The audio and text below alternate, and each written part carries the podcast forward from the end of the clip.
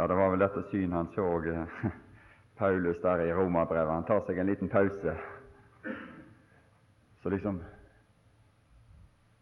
i Romerbrevet 8, liksom etter å ha gått framover dit og løst alle våre problemer. både det problemet vi hadde med Gud det er det første han løser. Det er det mest alvorlige. Det er det eneste problemet når han kommer til stykket. Det er problemet med Gud. Det ble løst. Men så var det en hel haug med andre problemer som møtte den troende derifra på, på kapittel fire der ute. En hel haug med andre problemer som de så. Så tar han seg av dem òg. Og så liksom stanser han opp. I Romerbrevet 8 så sier han Så stiller han de liksom opp disse herre som han har gått igjennom, så stiller han de på rad og rekke. Og så er det en overveldende skikkelse av alle, og et overveldende problem av alle. Når han har de liksom alle der, så tar han den første, og så sier han er Gud for oss. Da vi var fiender sa han i kapittel 5. Da vi var fiender. Denne svære skikkelsen,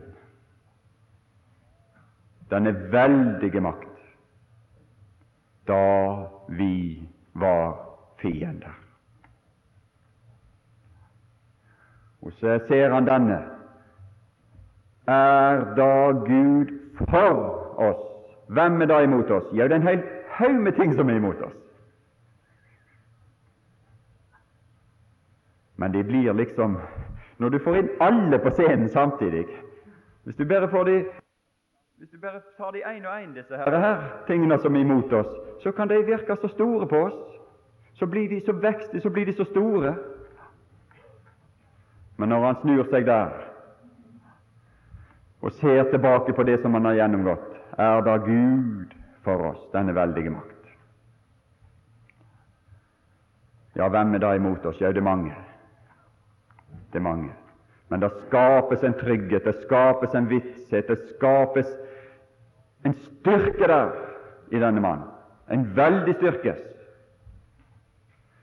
som setter han i stand til å drepes hele dagen, så det står. Vi drepes hele dagen. Ja, ja, det er fiender på alle kanter. Men det var en ting han var viss på, jeg er viss på. Det var en visshet, det var en viten, det var noe som var lagt ned i ham.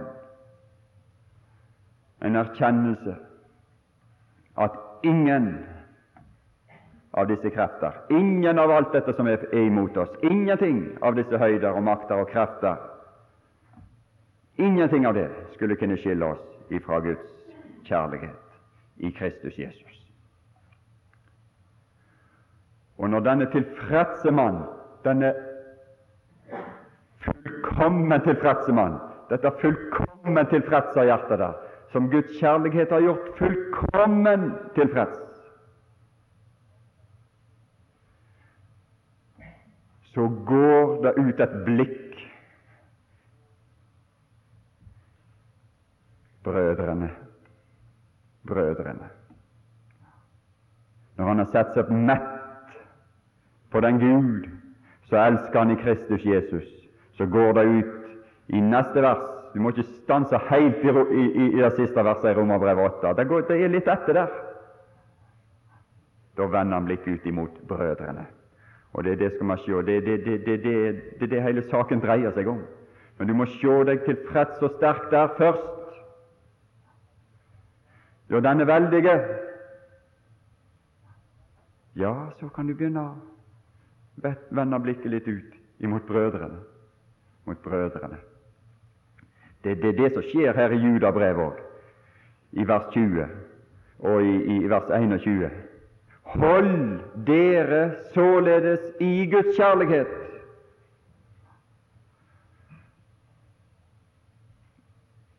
Vi er elsket, står det i vers 1. Vi er elsket i Gud Fader og bevart for Jesus Kristus. Men holdt deg der på denne plass. Vær på denne plass.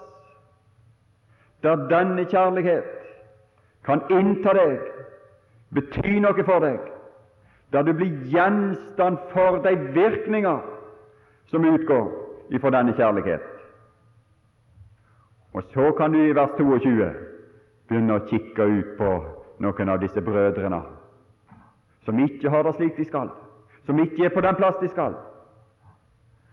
Så kan hende det noen, kan hende det var en og annen vi kunne få være med og dra inn på den plass der de skulle være.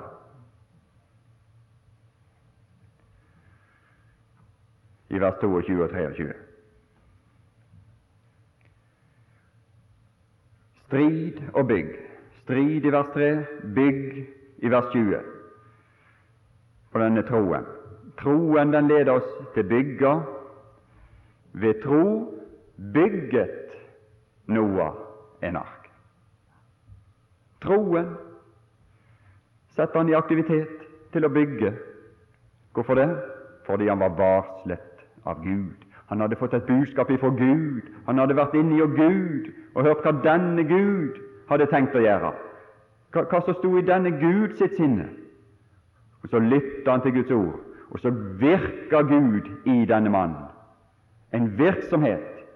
Han bygget en ark til frelse for seg og sitt hus. Det har du uttrykt f.eks. i, i, i Filippenserbrevet 2 og i vers 12. I vers 12 er det en lyttende person.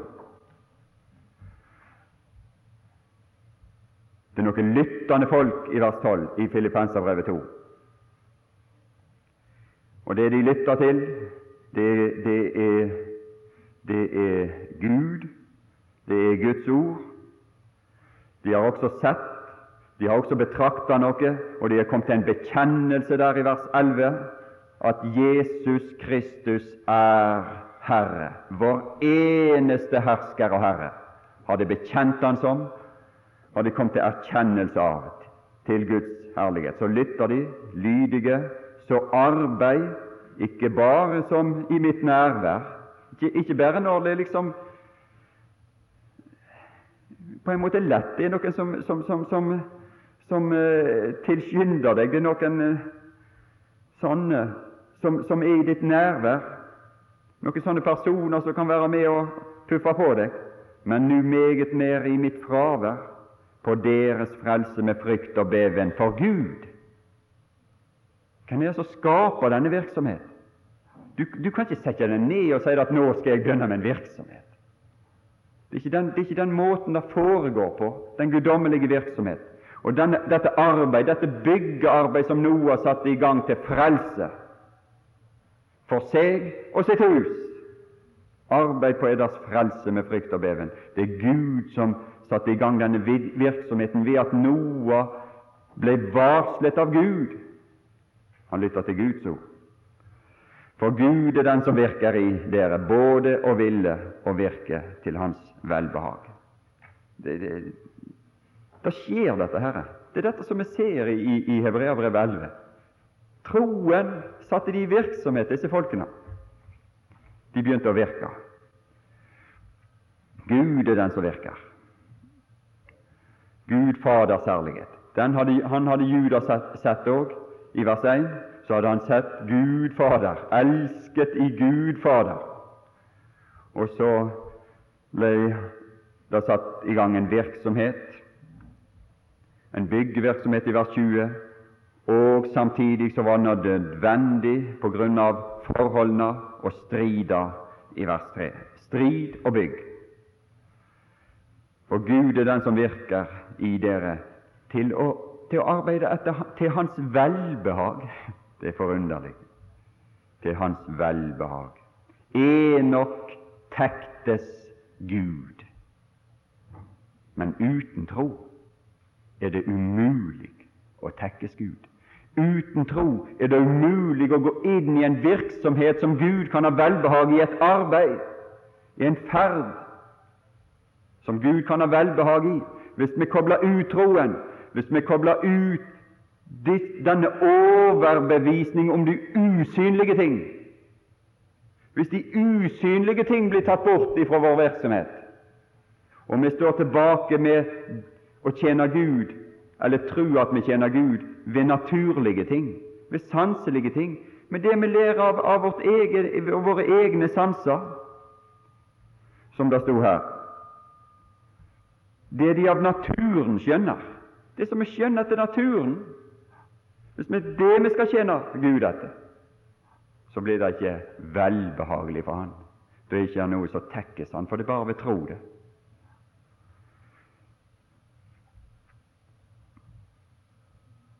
Ved den, ved den, denne overbevisning om de usynlige ting, ved den fikk de gamle godt vitnesbyrd. Hvem var det som om dem? Ja, vi har vitnemøte, vi vil vitne om Herren. Men her er et vitnemøte i Hebreabrevet 11,2 er det òg et vitnemøte. Ved den fikk de gamle godt vitnesbyrd. Det er Gud i himmelen som vitner om dem. Der er det Han som vitner. Der er det Han som vitner. Hva vitner Han om deg? Er det noe av dette? Er det noe av denne karakter?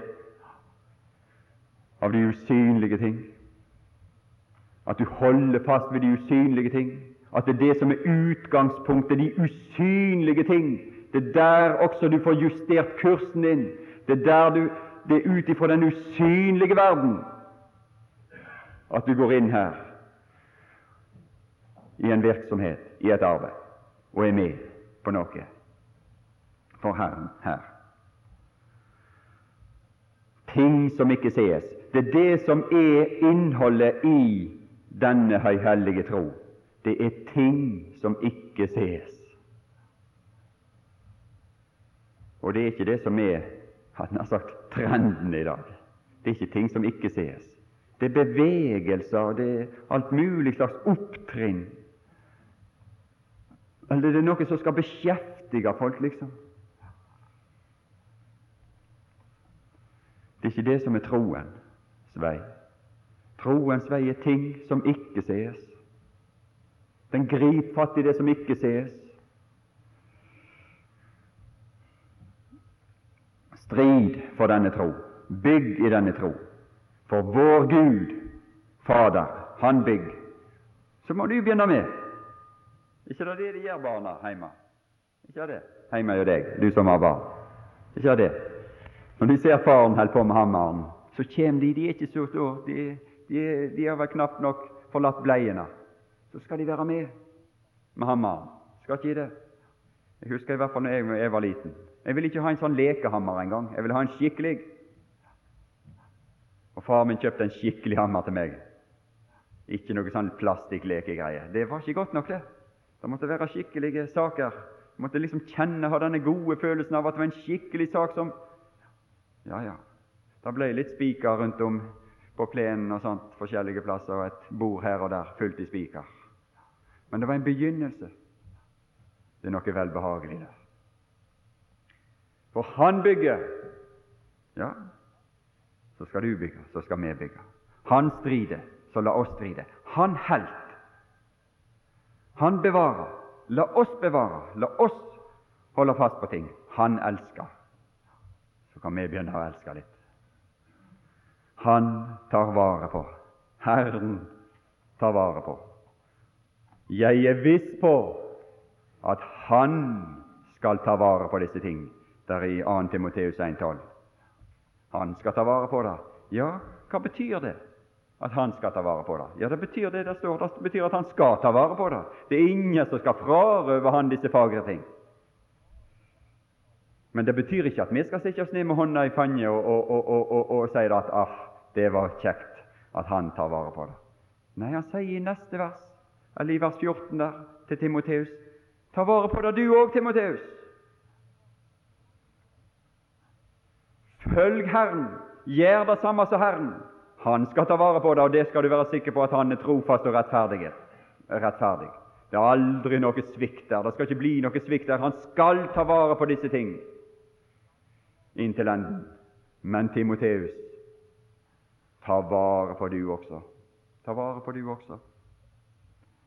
Det er det han sier til oss. Det er ikke det som er problemet at ikke han skal ta vare. Han er mektig til å verne om oss. Han er mektig til å ta vare på oss. Men la oss Og han elsker oss inntil enden. Men la oss holde oss, la oss ta vare på, la oss være i dette. Han vil stride, så la òg oss stride. I Nehemias, hvis vi bare skal ta bitte litt der i kapittel fire.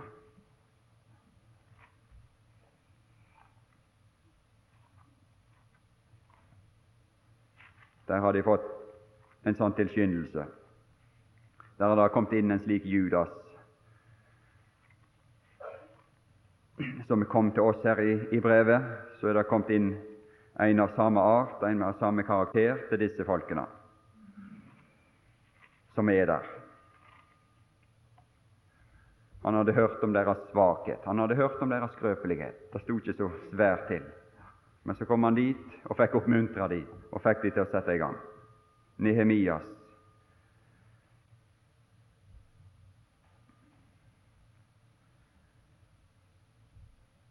Ja, Hvis vi, vi, vi ser der i vers 7, hvorfor måtte de stride? Hvorfor skulle det strides? Hvorfor det var det nødvendig? Vi vil ikke ha denne striden. Det er ubehagelig å ta til sverdet og begynne å stride. Det er ikke noe kjekt, men det er nødvendig. Det må til.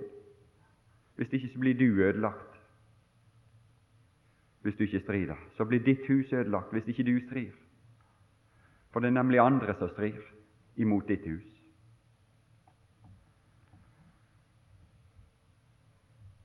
Det står om noen Sanballat og Tobias og arabere og ammonitter og astodittene.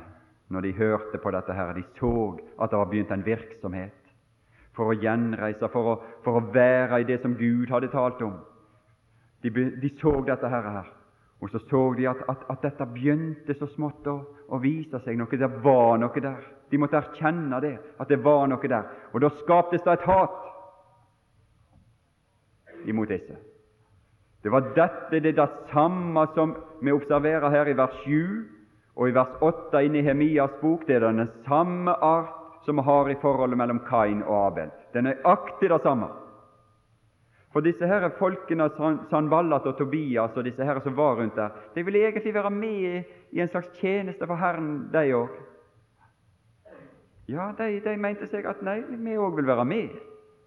Vi òg vil bygge, og det er vi som vil tjene Gud.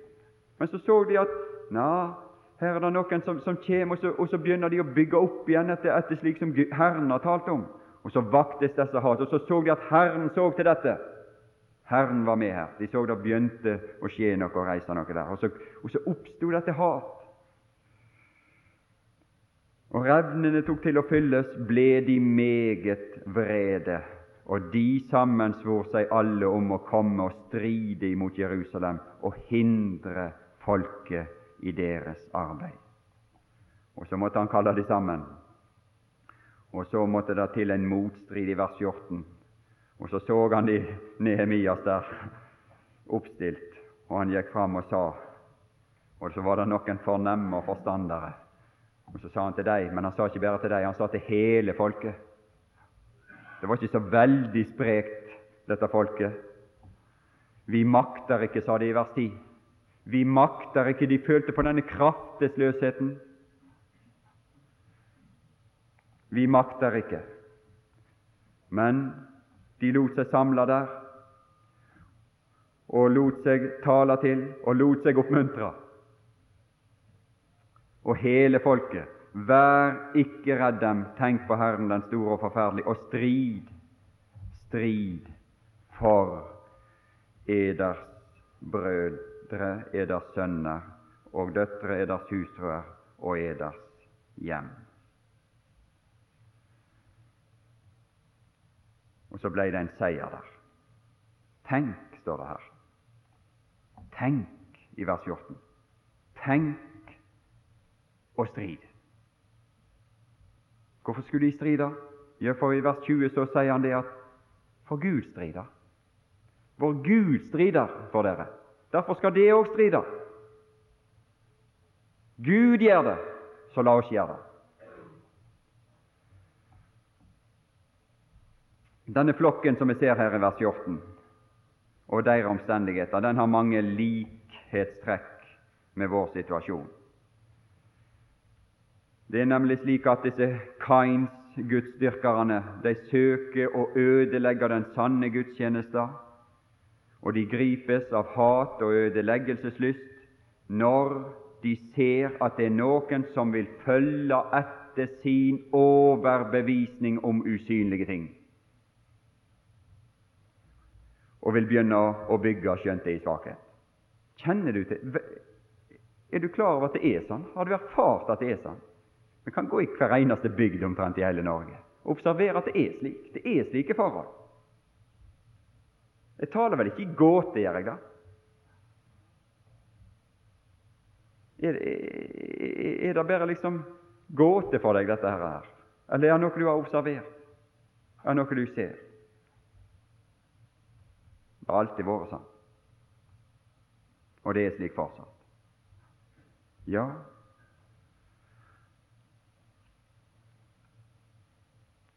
Vi leste litt om, i, i, fra 1. Johannes. Johannes han er en av disse fornemme personene. En slik fornem person som står opp og går i bresjen for dette her store, vidløftige arbeid. Dette å, å stride for brødrene. Dette å bevare tingene for Herren. Dette at Guds folk kan tjene Herren slik som han har, har etter Hans ord. Og Vi så at i kapittel 3, der det står om Guds barn i 1. Johannes brev, der taler han òg fra vers 11 og nedover der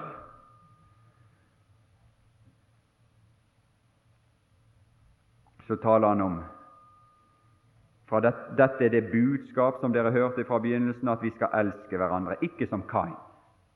For denne Kain han kommer inn han kommer inn med en gang. Denne, denne, denne som Juda taler om, som var en av disse og, og, og gir disse kjennemerker på, på slike som, som kommer inn for å ødelegge Kain. Og Han er beskreven i Judabrev i vers 12 og i vers 13 ved ulike bilder som hentes ut fra naturen. Mange slike bilder. Nå står det at disse er skamflekkene ved deres kjærlighetsmåltider, står det i vers 12 i Judabrev. Skamflekkene. Uten blygsel holder de gilde med dere og fòrer seg selv. Det er det første bildet. Og Så kommer det andre bildet, vannløse skyer. Så kommer det tredje, trær nakne som om høsten. Så kommer det fjerde, ville haff bårer, og så kommer det femte villfarne stjerner. Det er bilder som hentes ut fra naturen. Og dette ordet 'skamflekkene' her, det, det, det, ordet egentlig er, det er et slikt skjær som er ute i sjøen. Det er slik, en sånn klippe som stiger opp like til vannskorpa, slik at han er så usynlig. Han er så umerkelig. Akkurat det samme som vi ser i Nehemias 4. De kommer som umerkelig inn.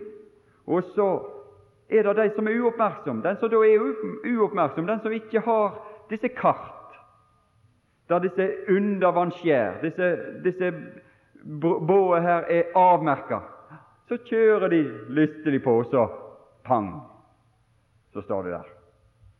Så lider. Så er du fanga av verden. Så er du fanga av disse ting. Så du fanger av disse sanselige, kjødelige, naturlige ting. Så du fanger inn i den tankegangen at vi må, vi må tjene Gud.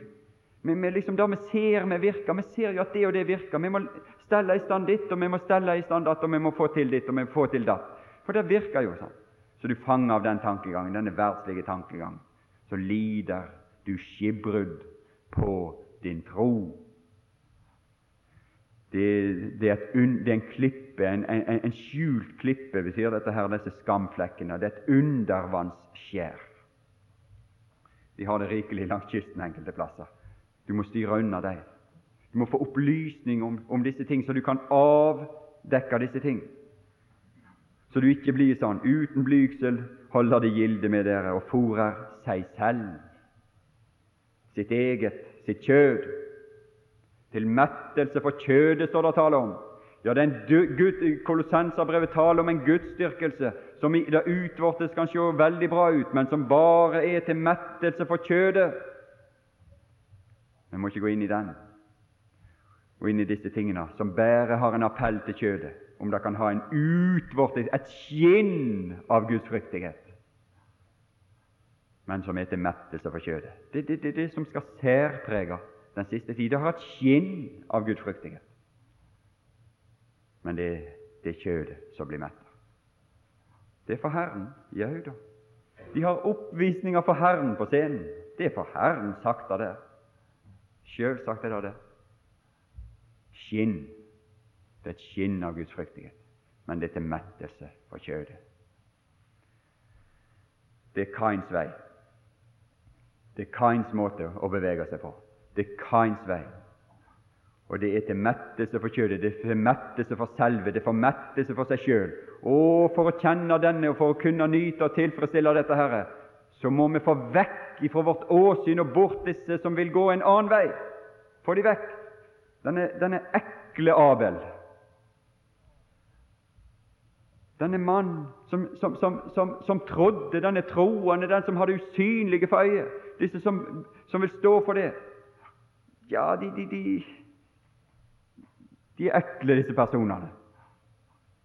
Først begynte de, han å tale til ham hårde ord. Det står om at Kain talte til sin bror Abel, og arten av den tale i, har du i Judabrev, og i, i, vers 15 og det, helt på slutten der. Det er karakteren der, arten av disse her ord. De vil, de, de vil ha de, de vil ha dem med over i sin ferd, over i sine ting. Og så taler de til dem med hårde ord. Men her var en som sto i troen. Abel han ble værende i denne tro. Og så var det ikke nok om ord. Og så skjedde det som skjedde. Så var de ute på marken en dag, og så for han løs på Abel og slo han i hæl. Da får vi utrydda dem. Fjerner de. Han for løs på ham. Har vi slike som vil fare løs på oss? Ja, Hadde vi levd for 200-400 år siden, så hadde ikke en sånn samling som dette vært mulig. Ikke mulig. Det hadde ikke vært mulig. Hvorfor det? For hvis det, være, hvis det, var noen som bare hadde det sinn og den vei, at de ville anerkjenne Jesus som sin eneste hersker og herre, og ville framholde dette usynlige og ville framholde og bære dette Guds ord og avvise alle slike institusjoner, alle slike forhold og alle slike forordninger som kom imellom, så var det kort prosess. Det var bare én ting. Det var ut på torget, avlives. Tusener opp gjennom historien. Hvis du skal beskjeftige deg med noe utenom Bibelen, så kutt ut disse romanene og alt dette tullet som blir skrevet nå, og som bare appellerer til kjøtet. Hvis du skal lese noe utenom, så les litt kirkehistorie. Få deg tak i noen bøker. Så beskriv Som beskriver det, det, det hadde nær sagt det. Ja, det er dramatisk. Det er dramatisk. Se hva som skjedde i Italia, se hva som skjedde i Sveits, se hva som skjedde i, i, i Frankrike, se hva som skjedde opp gjennom tidene i Spania. Ja, du kan se hva som skjedde i, i en viss grad her oppe i dette her, vårt land òg. Se hvor forfølgelsen Se hvor Kain har forfølgt Abel og farer løs på han. Etter å ha talt hårde ord til Abel, så har, de, har han faret løs på han og slått han i hjel. Det finnes forskjellige bøker. Hvis du er litt på jakt etter dem, så finnes de. Så du kan lese. De kan jeg anbefale. Ja, du må ikke la de erstatte Skriftene, altså, for det, det er ikke Skriftene, dette. altså. Kirkehistorie er ikke, er, ikke Skriftene. Men det kan være greit av og til. Vokt deg, sier Han tar, har disse samme ord. Han opplevde de akkurat det samme, Paulus. Kobbersmeden Alexander gjorde meg meget ondt Herren vil lønne han etter hans gjerninger. Vokt deg for ham du også, for han sto hårdt imot våre ord. Han sto hårdt imot våre ord. vokt deg. Vokt deg for disse ord. Som ikke plutselig viker tilbake for disse hårde, kraftige ord. Hvordan skal denne striden utkjempes? Hvor henter vi kreften ifra? Ja, Vi må gjøre slik som Nehemia sa, vi må tenke på Herren. Du må begynne der. Du må begynne der, der, der kraftkildene Du må ut og hente tingene. Tenk på Herren. Innenfor i Herrens åsyn. Tenk på Herren. Hva er det som skjer der innenfor det åsyn? Og det er da denne størrelse stiger fram. Den store. Det er det du opplever. Da plutselig så er det en som vokser. Og så blir det en størrelse. Og så blir plutselig fiendene i forhold til denne størrelse, så blir de litt mindre. Det er det, det, det, det, dette her, må, de må stilles opp sammen. Det er det han gjør, Paulus i Romerbrevet 8. Når han liksom snur seg tilbake, så ser han er det Gud, denne svære størrelse, denne veldige, denne mektige, denne store og forferdelige, er det Han for oss. Herren vil stride for dere. Er det Han for oss? Hvem er da imot oss? Ja, hvor store blir Sanballat og Tobias og araberne og ammonittene og alle astodittene og disse her? Hvor store blir de, da? Som syntes så mektige og kreftige, så sa de at vi har ikke krefter til dette. her. Arbeid er for løftig, det er for stort, vi har ikke vi makter ingenting. Men strid, tenk på Herren, tenk på Herren, den store. Du må inn og se denne store skikkelse som vil stride for dere. Og så kan det begynne å stride. Han er mektig til å ta vare på oss, så vi ikke snubler. Og han er mektig til å ta vare på oss, så vi ikke snubler, inntil han skal stille oss lyteløse framfor seg i herlighet. Her er bærende krefter. Begynn med Herren. Og strid for Edders brødre. Strid for din familie. Strid for ditt hus.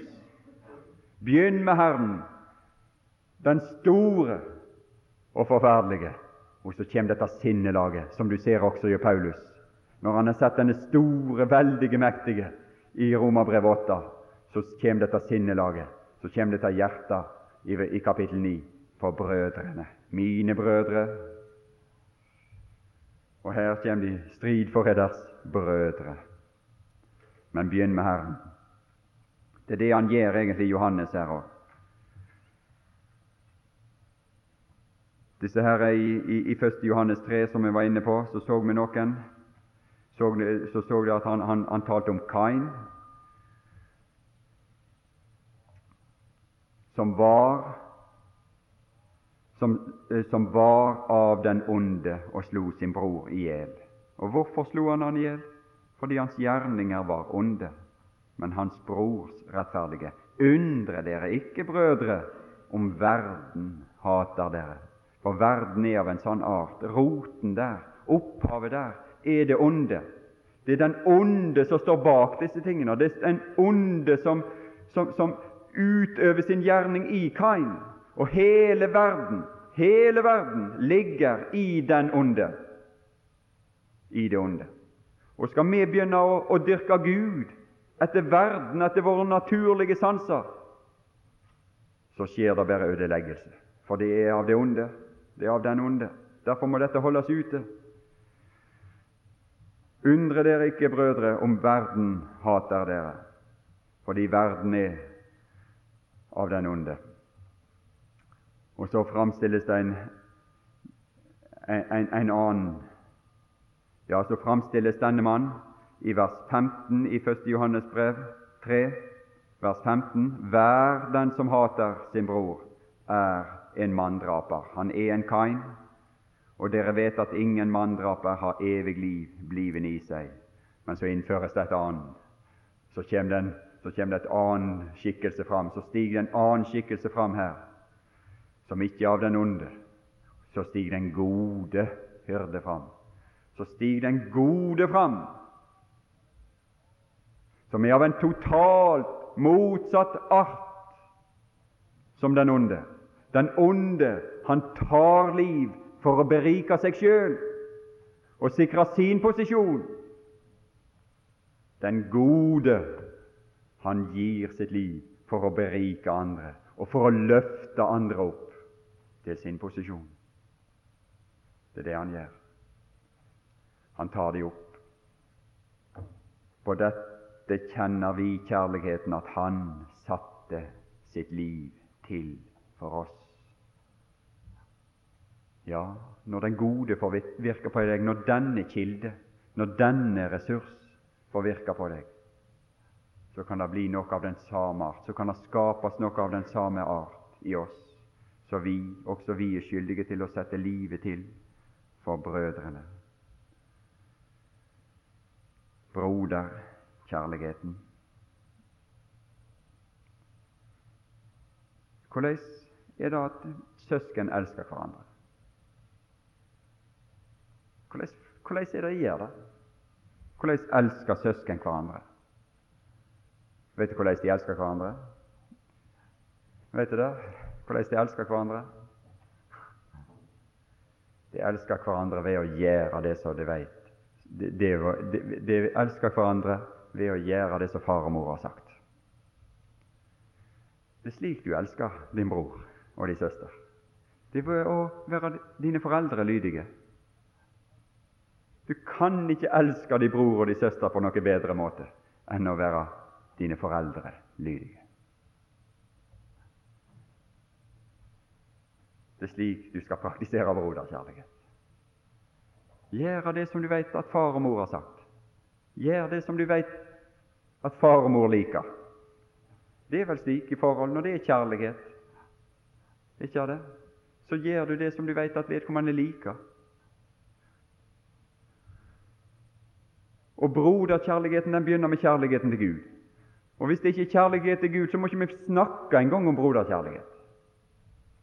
Og Hvis det ikke er et sinn, hvis det ikke er en tanke, hvis ikke vi har et sinn, hvis vi ikke har en vilje, hvis vi ikke har en, en holdning at vi ønsker å, å holde Hans bud og lytte til Han, ja, så det ikke hjelp i å begynne engang å snakke om broderkjærlighet.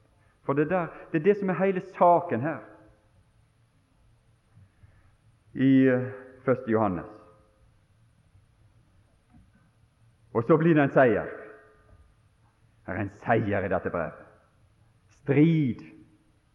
Strid for deres brødre. Strid. Og så er det en seier i kapittel 5 og vers 5. Hvem er den som seirer over Kain?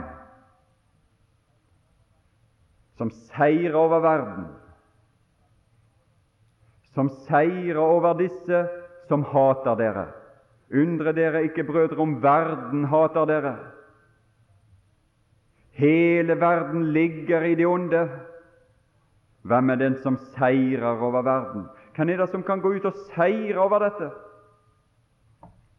Uten den som tror at Jesus er Guds sønn. Uten den som tror at Jesus er Guds sønn, at det er Han som sitter på tronen, at det er Han som er vår eneste hersker og herre at det er Han som har kommandoen, at det er Hans bud som teller, at det er det som Han, den verden er Han er i, den usynlige verden, at vi holder fast på den, det er da vi kan seire. For Han har nemlig kommet oss i møte med disse redskaper, med de våpen, med det som skal til for å vinne denne seier. Han er den som kom med det som vi var i behov av. Han kom med alle de ting som vi var i behov av. Og her er tre ting som alle vitner har et felles siktepunkt, et felles vitnemål og et fell, et, har et fellesskap, en enhet i disse tre ting som han kom her med, som det står om her. Vann og blod. Og så kom han også med Ånden. Og jeg antar det at du finner dette vann, og du finner denne blod, og du finner denne ånd i dette brev. Og blod det er jo ikke så vanskelig å finne. Og Ånden er heller ikke så vanskelig å finne i dette brev og hvordan dette virker, og hva, som er vitnesbyrdet. Åndens vitnesbyrd. Hver ånd som bekjenner at Jesus er Kristus kommet i kjød, er av Gud. Det er Åndens vitnesbyrd. Ånden set Han på tronen. Ånden gjør Han til Herre. Ånden har det vitnesbyrd. Den framfører det.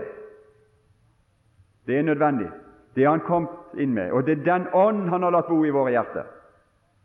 Og Derfor er det også at Han som er, bor i oss, som det står i kapittel 4 vers 4 Han, dere er av Gud, mine barn, og har seiret over dem. For Han som er i dere, er større enn han som er i verden. Det er Paulus når han stiller disse opp. Han som er i dere. Er da Gud for oss? Han er større, denne store forferdelige enn han som er i verden. Da kan du seire. Og blodet vi kan ikke, Tiden går ifra oss her, så vi kan ikke lese så mye. Men du har blodet her i kapittel 1 vers 7.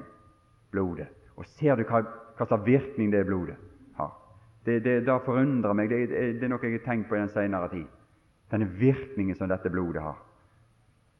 Jesu, Hans Sønns blod, renser ifra all synd. All synd. All synd. Nå er det slik at all synd er mot Herren.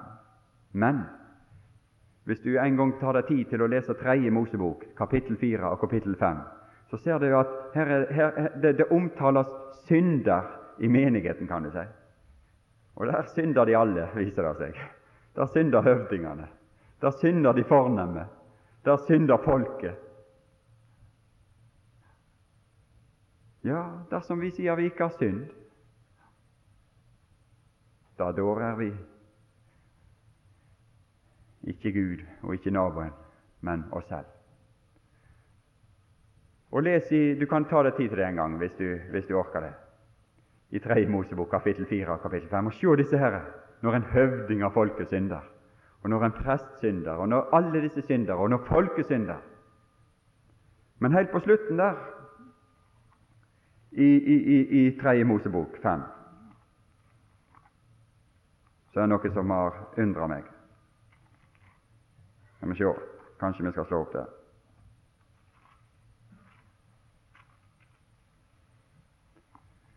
I vers 21, 3. Mosebok 5 vers 21. Når noen synder og farer troløst frem imot Herren.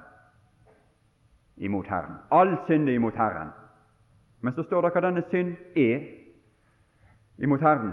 Det står i det han for sin neste lyver om noe som er han betrodd eller nedlagt imot han.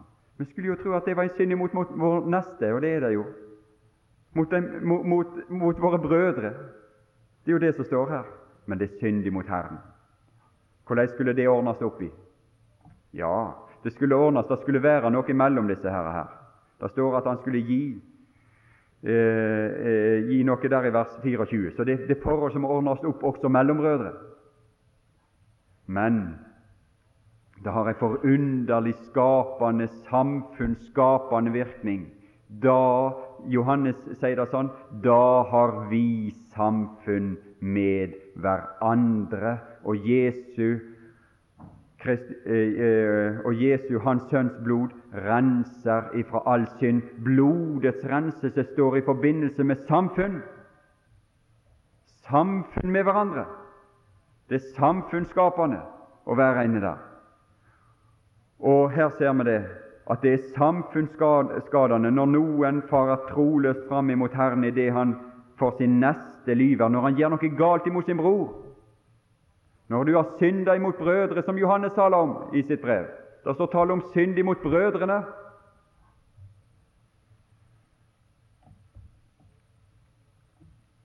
Og så skulle det skje ei soning, og så står det i vers 26 og presten skal gjøre soning for ham for Herrens åsyn, så han får forlatelse.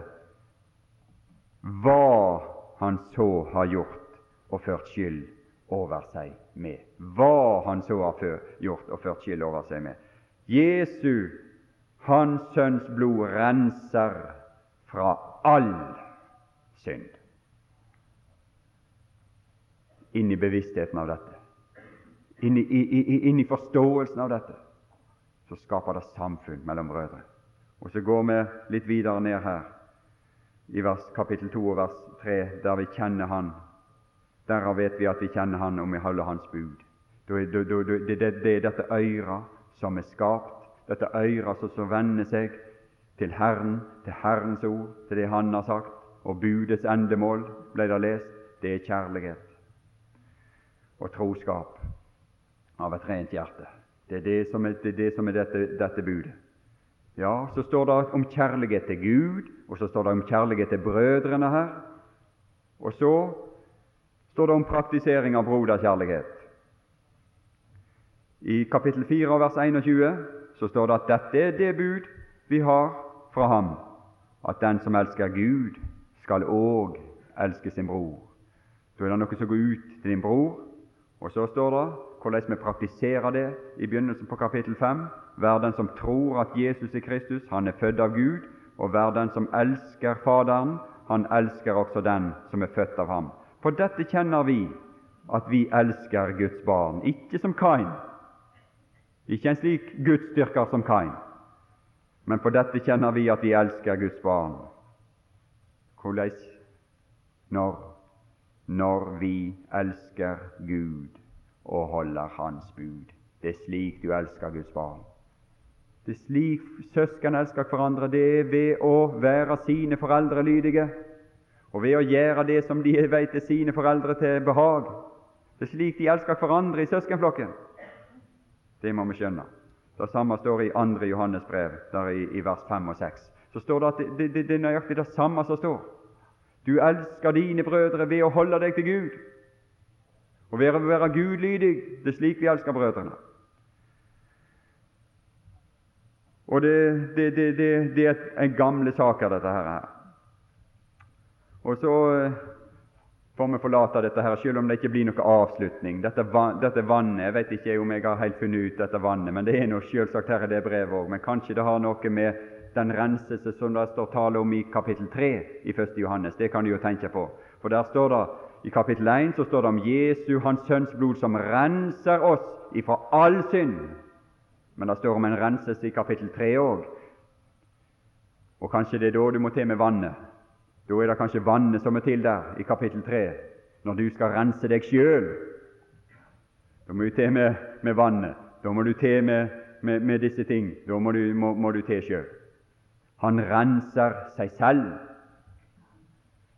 Kanskje det er det vannet. Det er noe også som han er kommet med. Det er det òg noe som han har brakt inn til oss. Det er òg disse ord.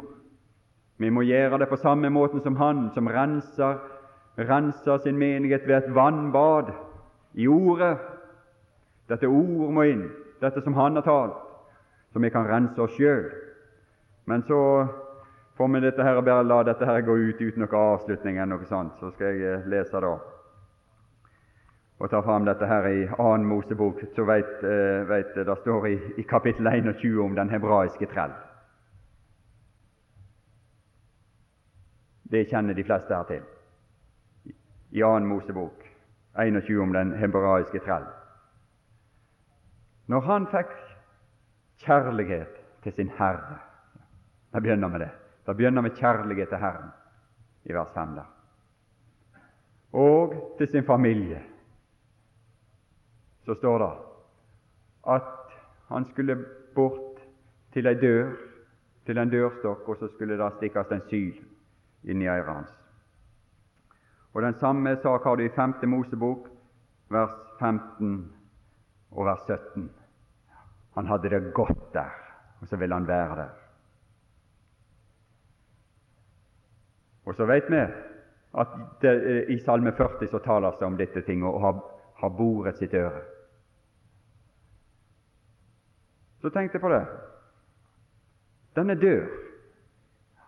Hva var det? Han hadde fått kjærlighet til sin Herre og til sine brødre, til sin familie. Og så skulle dette skje.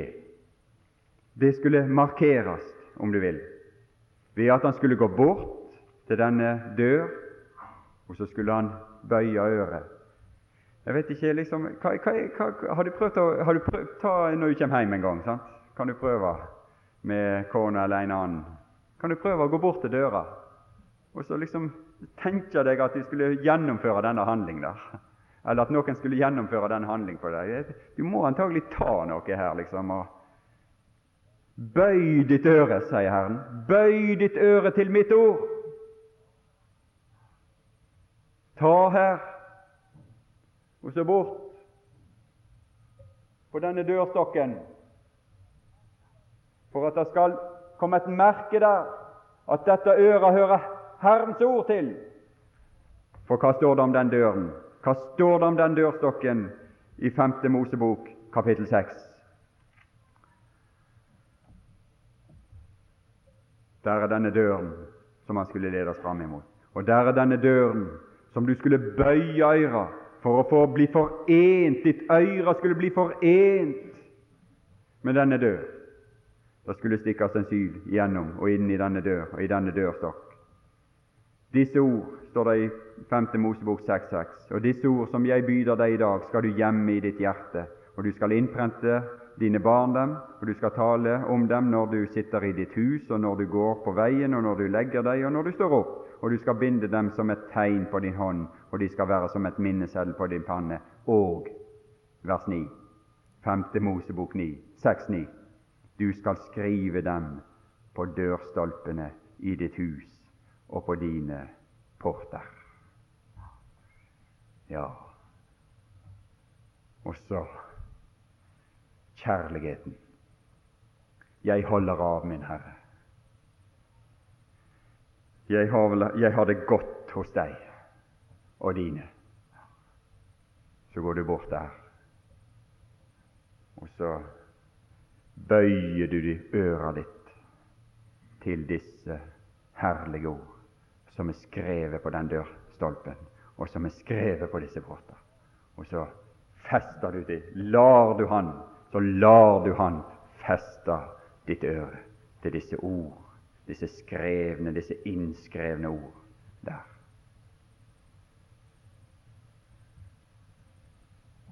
Dette vitnesbyrd. Dette er vidunderlige vitnesbyrd som er i Hans lov. Vi får gi oss der, Herre Jesus.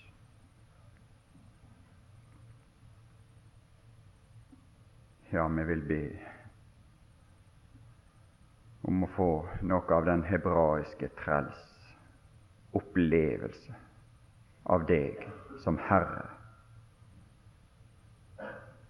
og av ditt hus som hus, og av ditt folk som familie, som søsken, som brødre.